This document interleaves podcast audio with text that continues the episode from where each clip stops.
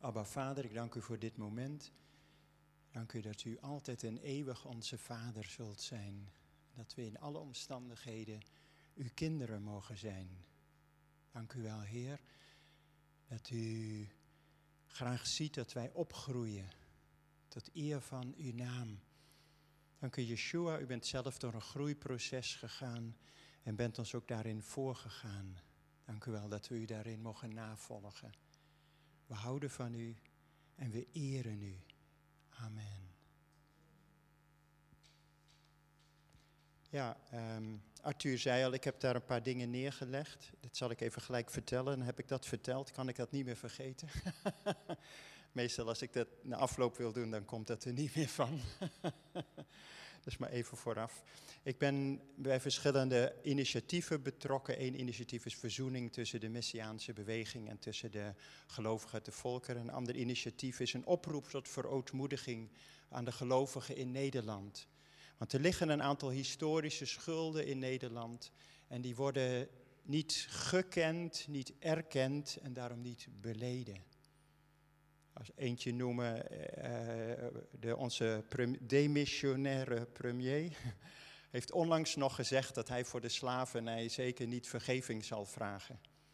Maar als je ziet wat voor hoge, torenhoge schuld daar op Nederland ligt, dan denk ik, nou ja, toen de tijd heeft de kerk dat eigenlijk ook gesteund, die slavernij.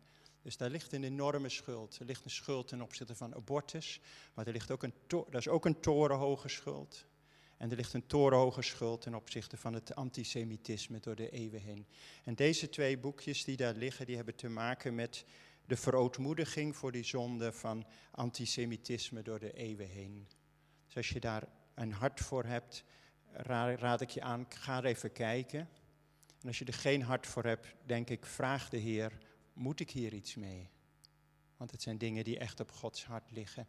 Want willen wij tot een goede doorbraak komen, dan moeten wij afrekenen met de zonde van het verleden.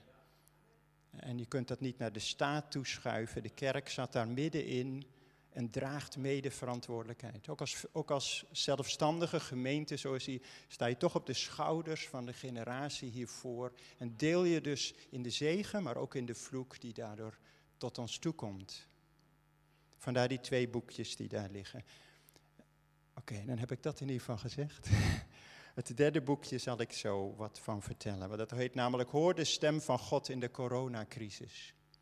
Dat ligt daar niet, maar dat kun je wel bestellen en die gegevens heb ik daar wel op een briefje neergelegd.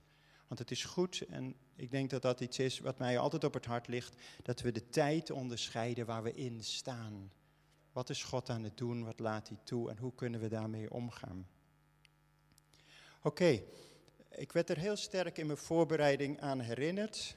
Ik dacht bijna, oh moet dit, dit is het. En toen dacht ik, oh daar heb ik een paar jaar geleden ook over gesproken. Ik dacht, oh dus de Heer wil daar aanhaken. En dat heeft te maken met uh, eh, 1 Koningen 19. Daar heb je Elia, die op de berg Sinaï, op de berg Horeb, het aangezicht van God zoekt. En uh, hij komt er in een uh, zeer depressieve staat. Nou, dat kun je een beetje begrijpen. Als je, als je een geweldige uh, moment van Gods tegenwoordigheid hebt meegemaakt. En dat had hij in hoofdstuk 18. Want dan zie je dat oordeel op de, op de berg Karmel. En, en hij herstelt het altaar van Israël daar, de twaalf stenen van de twaalf stammen van Israël, herstelt hij daar. En dan, dan heb je dat oordeel over de Baals profeten. God daalt, laat vuur neerdalen uit de hemel. En de keuze voor het volk is, kies je Baal of kies je de God van Israël. Daar gaat het daar om. En dat is een keuze die steeds voor ons ligt. Kiezen wij het gemak van de verzorgingsstaat of kiezen wij het gemak van de verzekeringen en noem het maar op. Of kiezen wij de provisie die van God komt. En, en dat oordeel, dat vindt daar plaats op de karmel. En dan uh, heeft dat oordeel plaatsgevonden. En je ziet ook, als je gaat kijken in, in 1 Koningen 18, koning Agab, is daarbij. Hij was de koning van het Noordrijk. En eigenlijk is, komt Agap dan min of meer tot bekering. Want als je de hoofdstukken daarna kijkt, dan zie je dat Agap zelfs luistert naar God.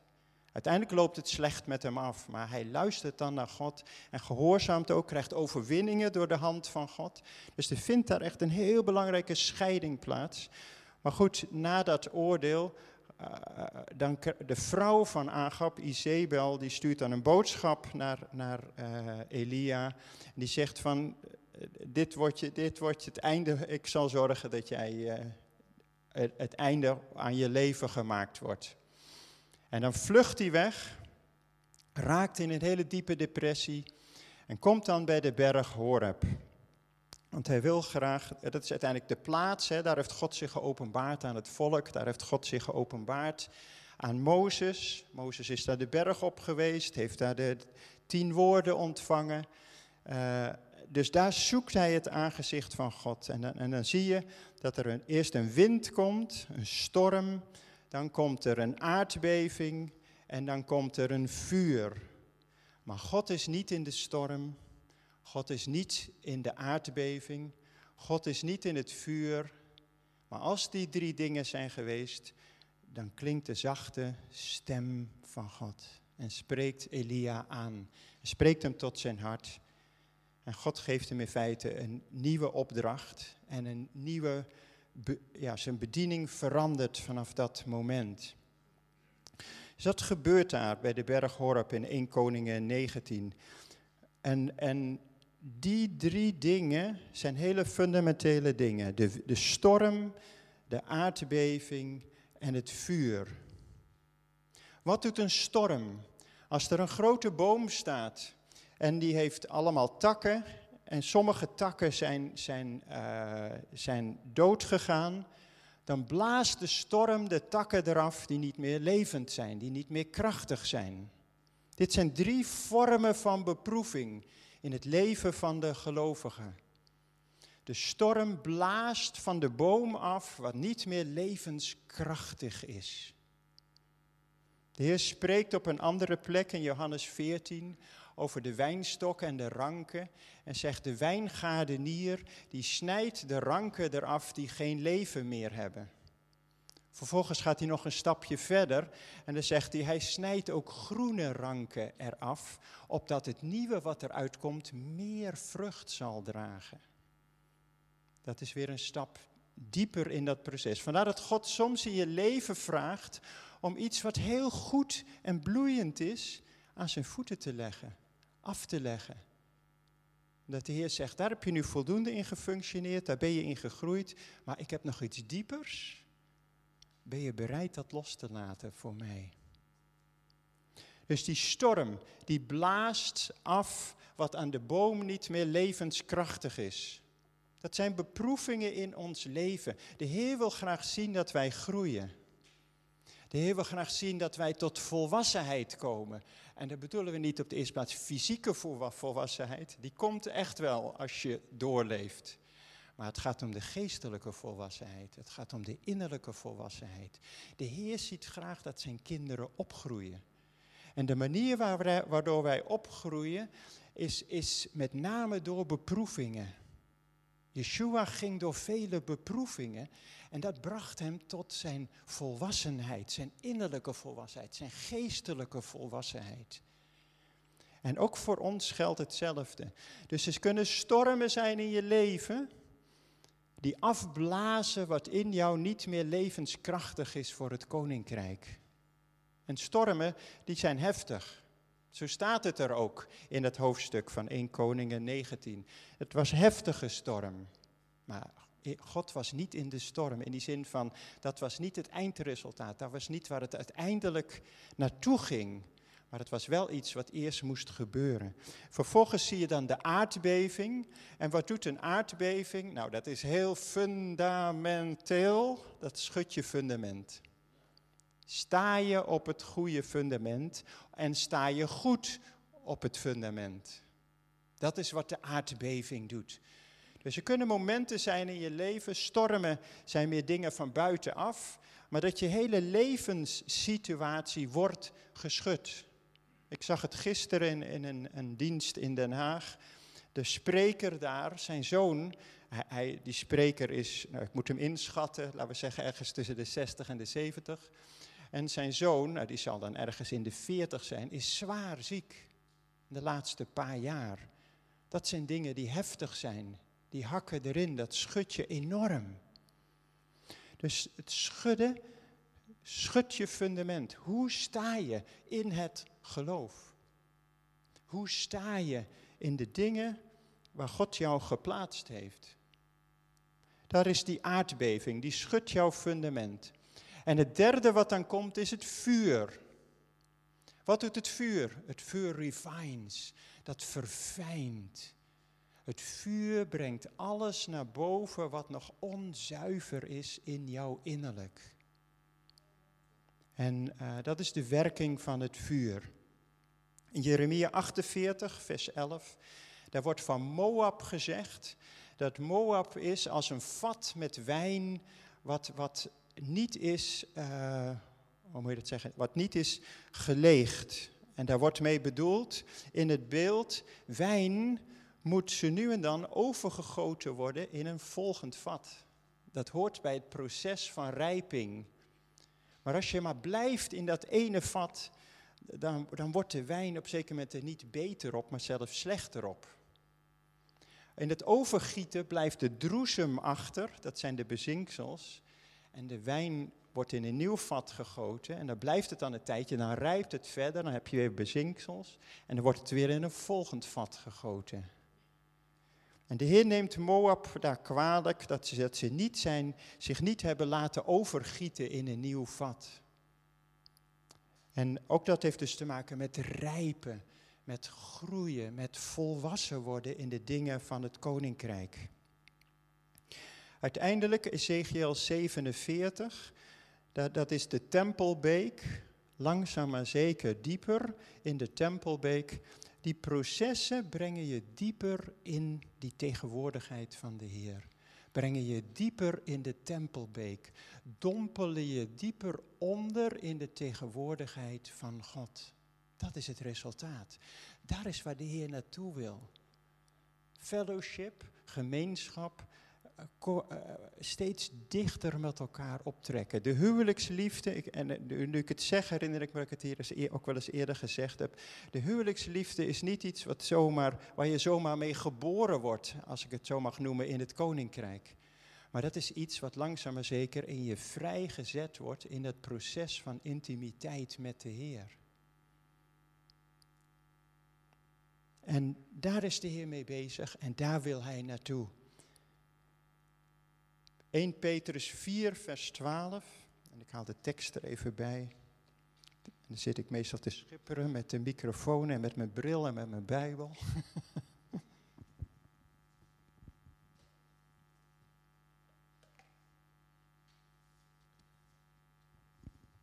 1 Petrus 4, vers 12.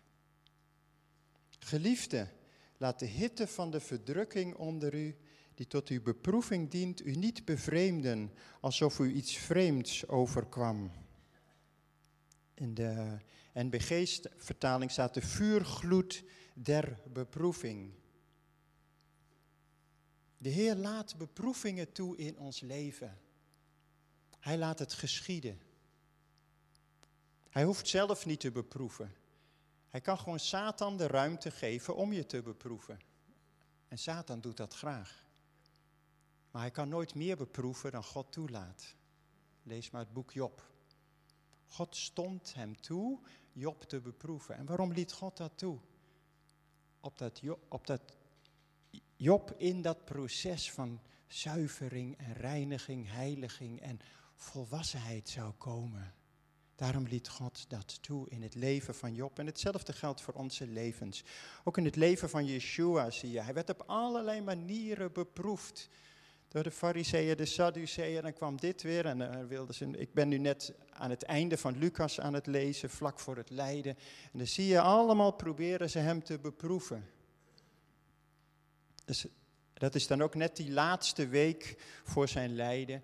En dat zijn ook net de dagen in, in, de, in de liturgische Bijbelse kalender waarin je het lam in huis neemt. Want dat doe je op de tiende Nisan.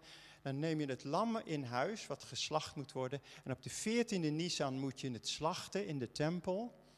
Maar die vier dagen, die van de tiende tot de vier, zijn de dagen waarbij je, eh, eh, als het ware, het lam is in je midden.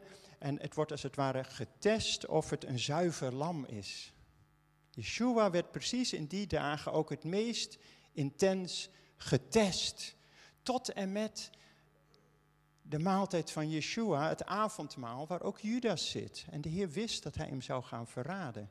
Ook Judas deelde in het avondmaal de, de grootste intimiteit van onze herder en van onze heiland. Stond hij toe omdat hij ook van Judas verlangde dat hij binnen zou gaan in het koninkrijk en dat hij niet uiteindelijk zou kiezen voor zichzelf. Want dat is wat hij deed. Judas koos voor zichzelf. Op het moment suprem besloot hij om niet voor, voor Yeshua te gaan, maar voor zichzelf te gaan. Om er toch nog wat voor zichzelf uit te halen. En dan gaat hij naar de, naar de hoge priester en de opperpriesters en krijgt zijn geld en belooft Yeshua te verraden. Dat was een beproeving voor de Heer. Was ook een beproeving voor Judas. Hoe zou hij ermee omgaan? Johannes schrijft al dat Judas een dief was, want hij stal uit de gezamenlijke beurs. Dat staat er nadrukkelijk. Dus hij had in zich, ik wil wat, ik wil wat voor mijzelf eraan overhouden. De anderen waren bereid om mee te gaan in die beproevingen en het over te geven aan de Heer. Dat is het verschil.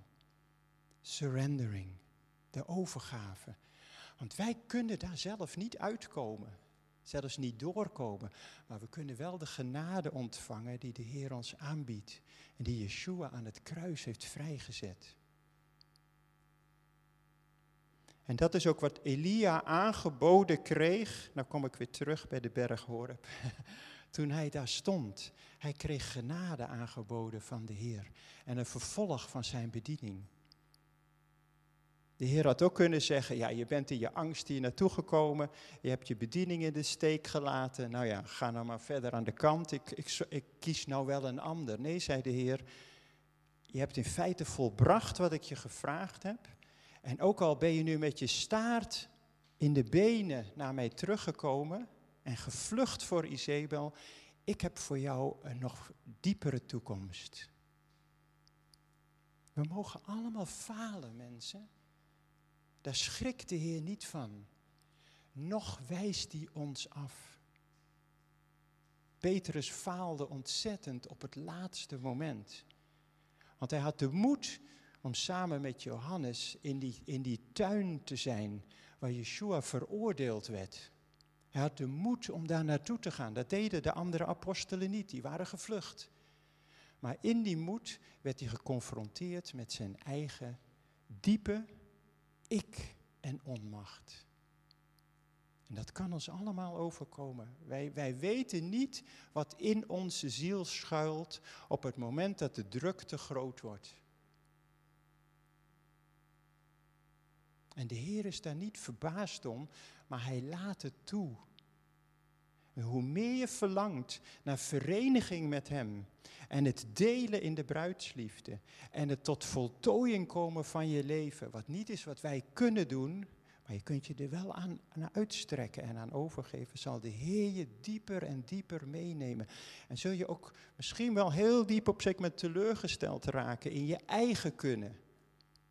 Maar dat hoort erbij, want als je niet voldoende teleurgesteld bent in je eigen kunnen, Petrus, Petrus, dan ga je het op eigen kracht doen.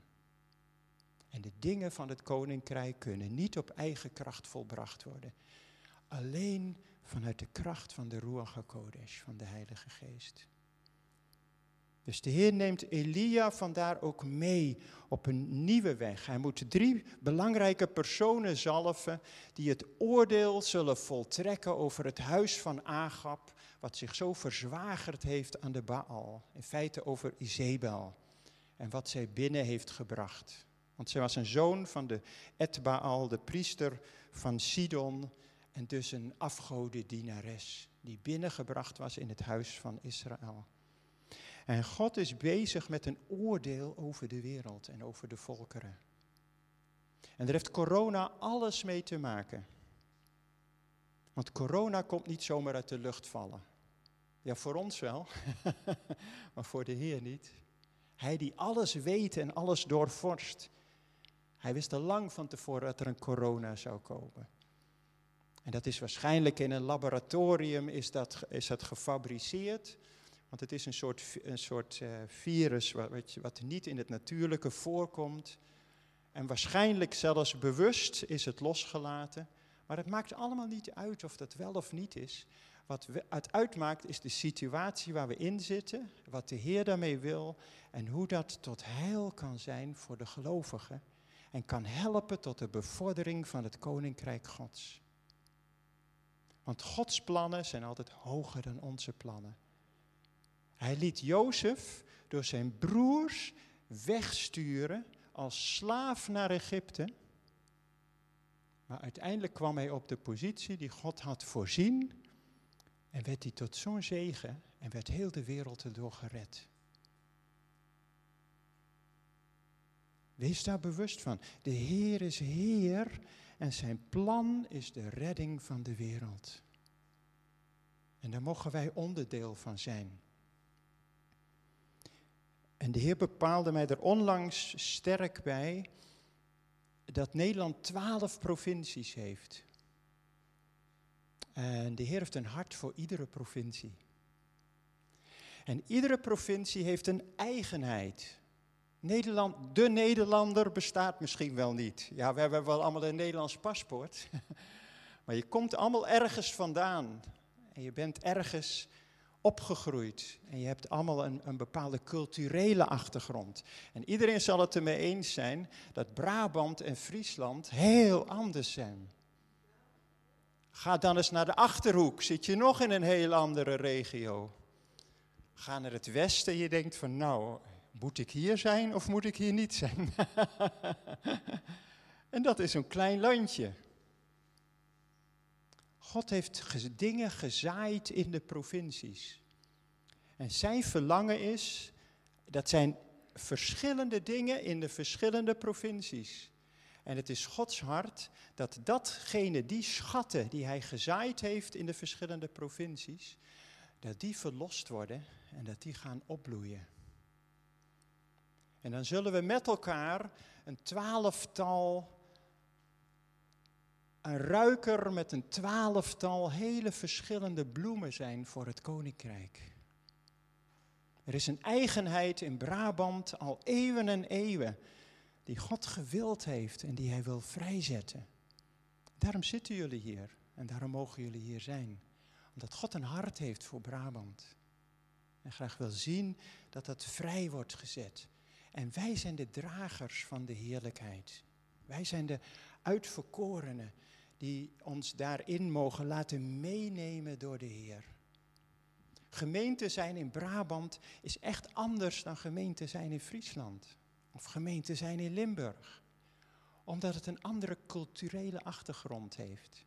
En het gaat er niet om dat wij buigen voor de cultuur, maar het gaat erom dat de cultuur buigt voor Yeshua.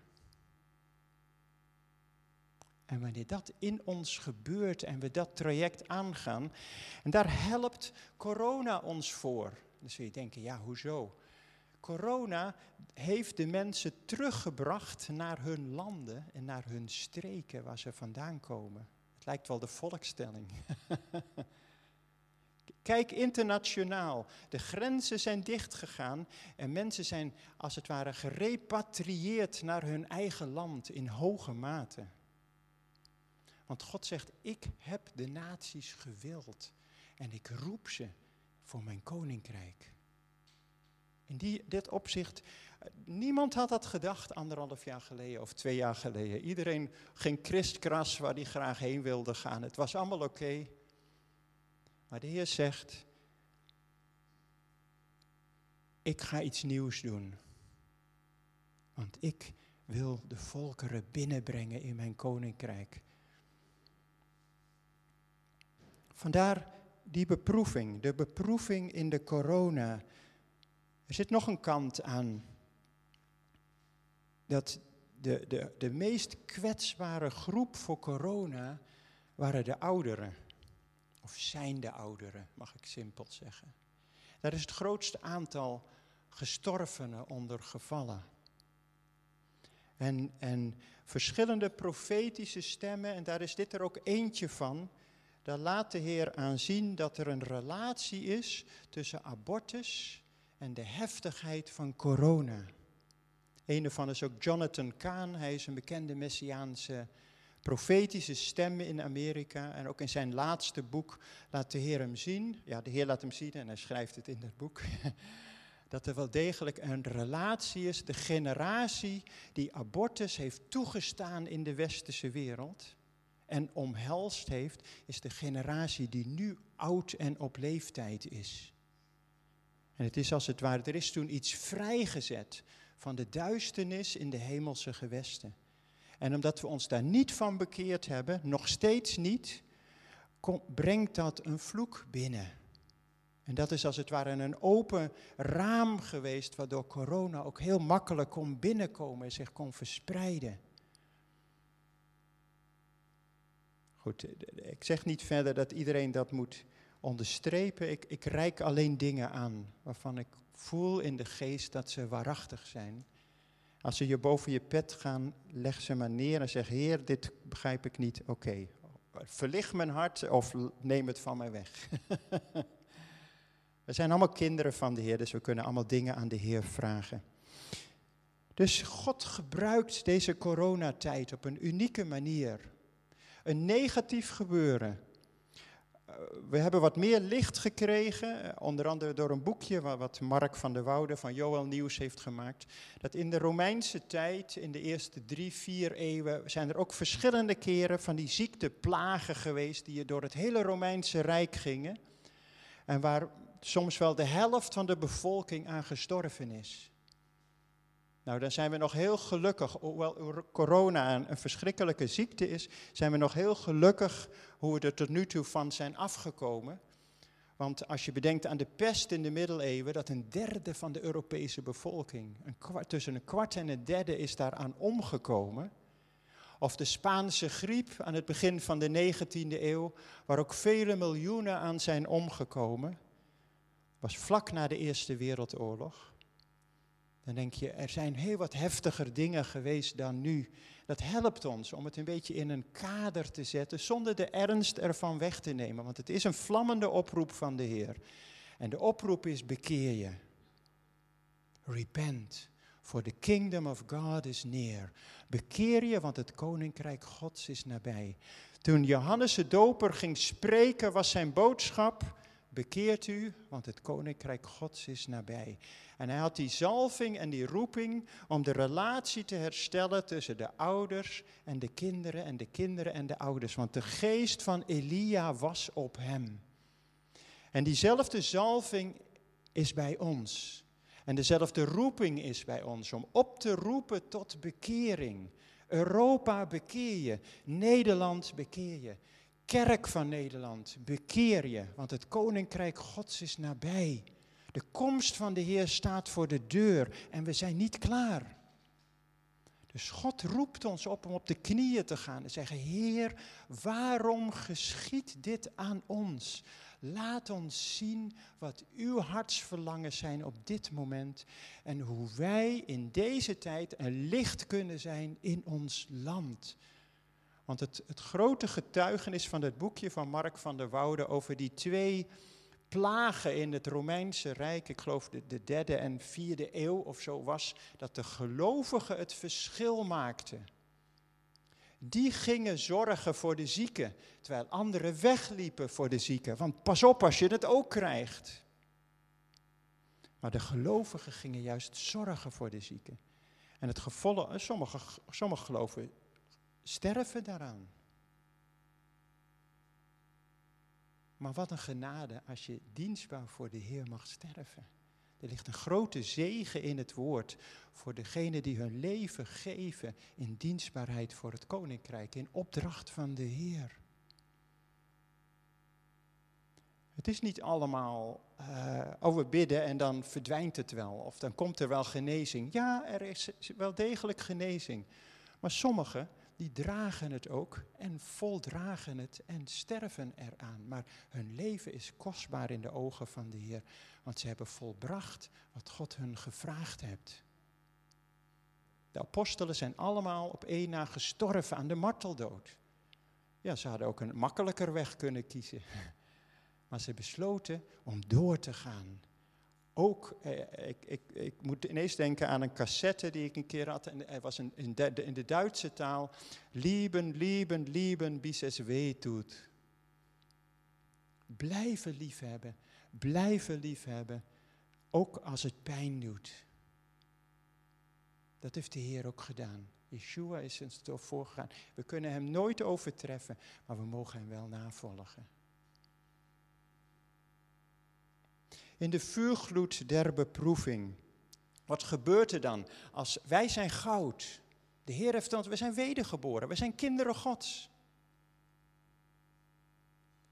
Als je goud en ook andere metalen, maar goud is het makkelijkste voorbeeld, in een uh, wilt zuiveren, dan doe je het in een oven, in een, in een pot in de oven en dan maak je het heter en heter en heter en dat gaat in fases.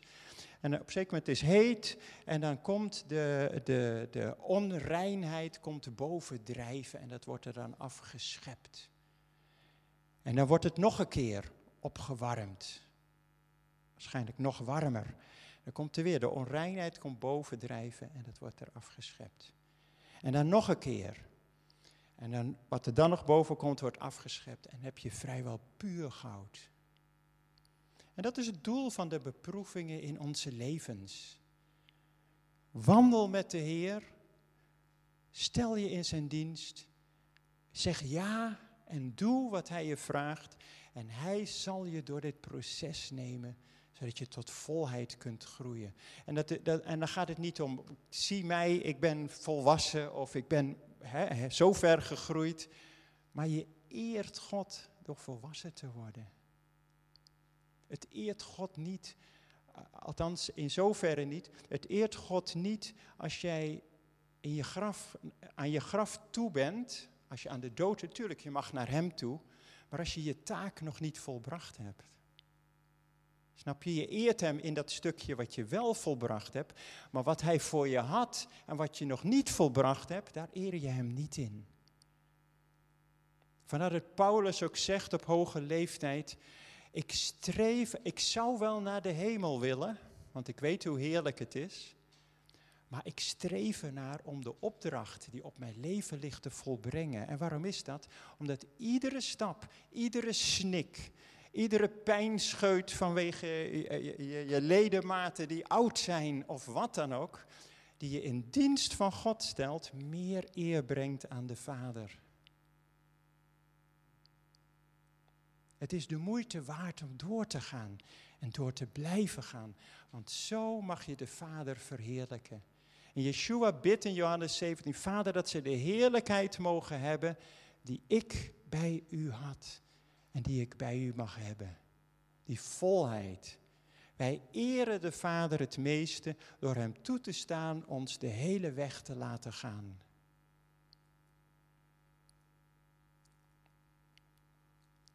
Dus sta de Heer toe uh, um, om zijn weg met je te gaan.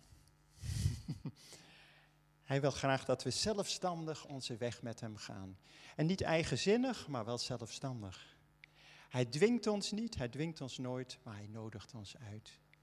En zegt, wil je nog verder met mij gaan? Dan kan ik nog meer zegen door jou heen vrijzetten. Want het gaat om geven in het koninkrijk.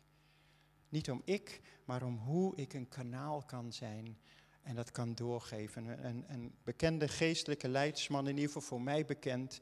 God liet hem een keer zien hoe hij als een. Oh, God hem geroepen had om een trechter te zijn, waardoor de genade van God kon stromen naar ieder die God naar hem toe zou sturen. En dat is een roeping die op ons allemaal rust en waar we allemaal deel aan mogen hebben. De drie jonge mannen gingen in de vuuroven. En het vuur werd zeven keer heter opgestookt, staat erbij. Zozeer dat de dienaren die hun erin wierpen, stierven vanwege de hitte. Maar toen Nebukadnessar in de oven keek, zag hij de drie mannen daar wandelen in de oven met een vierde man. Als een godenzoon staat er dan zo mooi vertaald. Als de zoon van God. In de beproeving is de Heer met je. Nog sterker, Hij is voor je uitgegaan en Hij houdt je vast. Als je Hem toestaat je vast te houden. Er is geen beproeving te groot. Het kan je soms ongelooflijk overweldigen, emotioneel of qua visie. Het, het kan je brengen in diepe depressie als je het op jezelf toepast. Maar, het, het, maar als je het aan, in zijn hand legt, met alle gebrokenheid die in je is, dan maakt hij het tot een glorieuze doorgang van heerlijkheid. Laat je meenemen door de Heer. Laat je rijpen door de Heer. Wees een instrument van zijn genade. Hij roept en hij roept nog steeds. En hij verlangt voor ieder van jullie dat je tot volle wasdom mag komen. Het goede, het welgevallene en het volkomene. Dat je tot die volheid mag komen.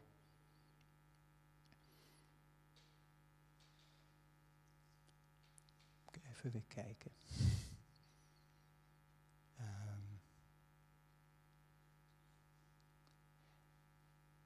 1 Petrus 3, vers 8 tot en met 12.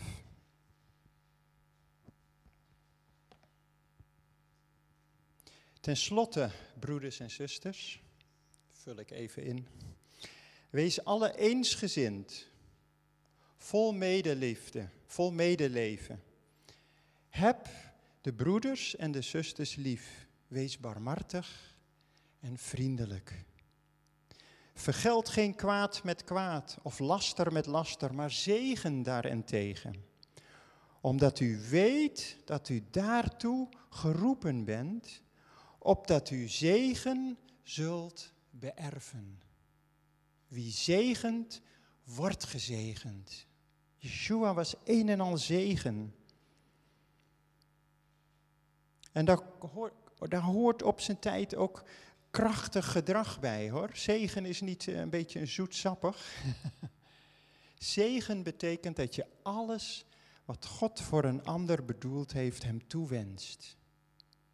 En soms is dat correctie. Maar dat moet ook gebeuren, want zonder correctie komen wij niet, blijven we niet op de goede weg. Dus dat is ook een zegen. Zegen daarentegen, omdat u weet dat u daartoe geroepen bent, opdat u zegen zult beërven. Want wie het leven wil liefhebben en goede dagen zien, die moet zijn tong weerhouden van het kwaad en zijn lippen van het spreken van bedrog. Die moet zich afkeren van het kwaad en het goede doen. Die moet vrede zoeken en die najagen. Want de ogen van de Heeren rusten op de rechtvaardigen, de tzedikim. De ogen van de Heeren rusten op de rechtvaardigen. Wij zijn die rechtvaardigen. Dat is niet iets waarvan je hoopt dat je het een keer wordt. Door wedergeboorte ben je gerechtvaardigd. Maar wandel daar dan ook in. Dat is wat de Heer zegt. Want de ogen van de Heer rusten op de rechtvaardigen. En, en dat is ook heel mooi, zijn oren zijn gericht op hun gebed. God hoort heel graag het gebed van zijn kinderen. En dan niet het me, my en myself gebed, het, niet het gebed van je oude natuur, maar het gebed van je wedergeboren natuur.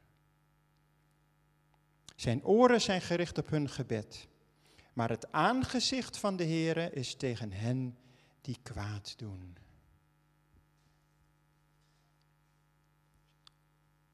Hemelse Vader, ik wil u danken voor uw hart en voor uw hartsboodschap, ook deze ochtend. Ik wil u danken dat u onovertrefbaar bent in uw goedheid, in uw trouw, in uw liefde. En dat coronatijd voor u ook een tijd is van genade, van uitreiken in genade, dat we niets tekort komen. Ik wil u danken, Vader, dat, dat u ons vasthoudt, wat er ook komen gaat. En dat u met ons meegaat, ook in de beproeving. Vader, ik wil u danken voor alle broeders en zusters hier en de weg die u met ieder van hen persoonlijk gaat. Ik wil u danken dat niemand van hen uit uw hand is. U zegt zelf, niemand kan ons uit de hand van de Vader halen. Maar wij mogen met u zijn en bij u zijn en in u zijn en door u zijn en voor u zijn en met u zijn. Dank u wel dat u zich met ons verbonden hebt. Wij zijn dragers van het verbond. Wij zijn deelhebbers aan het verbond van Abraham, Isaac en Jacob. Dank u wel, Heer Yeshua, dat u het nieuwe verbond hebt gesticht in uw bloed. En dat wij dat deel aan mogen hebben. Verfris dat in ons, dat vraag ik in Yeshua's naam. Verfris het in ons, Heer, zoals u dat ook deed met de leerlingen, de Talmidim in de eerste eeuw en eeuwen en door de eeuwen heen, de heilige rest. Verfris het in ons, Vader, dat we niet kijken naar de omstandigheden, dat we niet op corona gericht zijn, maar op de kroon van de koning der koningen. Want u bent de corona.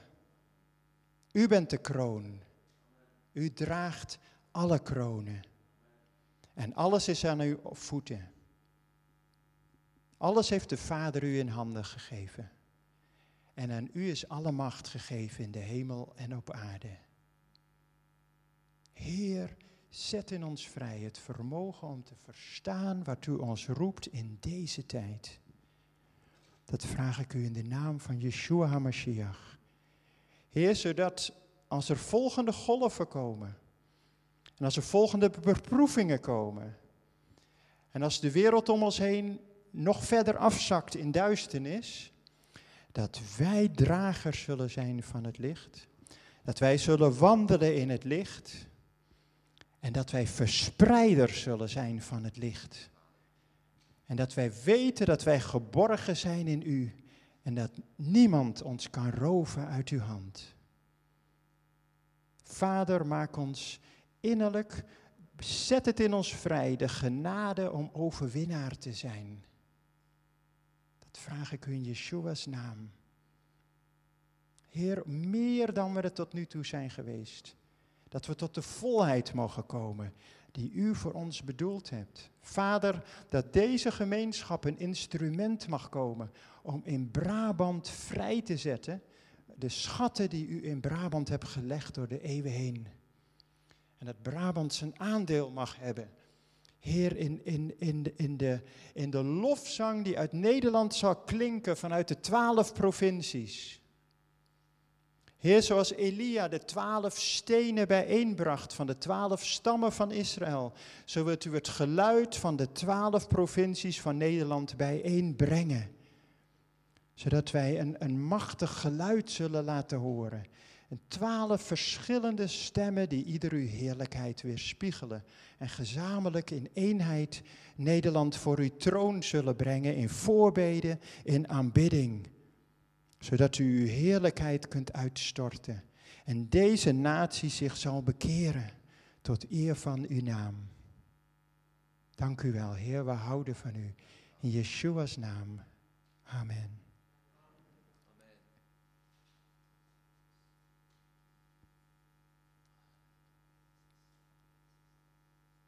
Als er iemand is die in de beproeving is, en die graag de genade van God daarin wil ontvangen.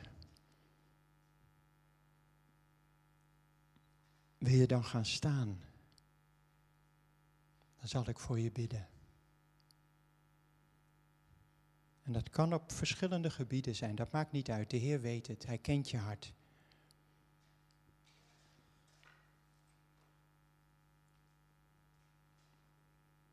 Kan van alles zijn. Het kan relaties zijn, het kan je baan zijn, het kan van alles zijn.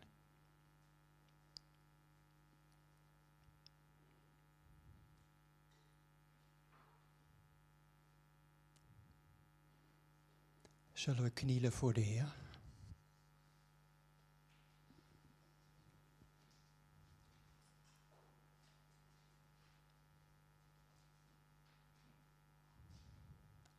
Abba Vader, u die alle dingen weet en u die, ons individueel geschapen hebt, die het bloed van Yeshua hebt uitgestort voor ieder van ons individueel. Vader, ik vraag voor uw zonen en dochters hier die knielen voor uw aangezicht. Zend uw geest in hun situatie. Versterk hen, Vader, op dit moment, naar geest, ziel en lichaam. Heer, wilt u binnenkomen in een situatie en geef hen openbaring welke weg te gaan. Geef hen openbaring wat u van hen vraagt op dit moment. Wat ze moeten afleggen, of waar ze vergeving voor moeten vragen, of waar ze, ja, wat ze, welke stap ze mogen zetten. Vader, opdat er overwinning komt in deze beproeving. Geef een volharding, Vader, dat u kunt uitwerken waartoe u hen in deze beproeving hebt gebracht, waartoe u deze beproeving hebt toegelaten in hun leven. Vader, dat, dat het, zoals de, de, de, de, het dal van Agor, dat het een poort mag zijn, Heer, van die hun verder brengt in hun persoonlijke wandel met u. En dat er over een tijdje een getuigenis zal zijn. Ik was in die en die omstandigheden. Maar de Heer heeft. Puntje, puntje, puntje. Vader, zo vraag ik of u zo uw hand wilt leggen op deze broeders en zusters. Tot eer van uw naam. Wees hen genadig, Heer. En raak hen aan. En schenk hen de verlossingskracht die ze nodig hebben om met u door deze situatie heen te gaan.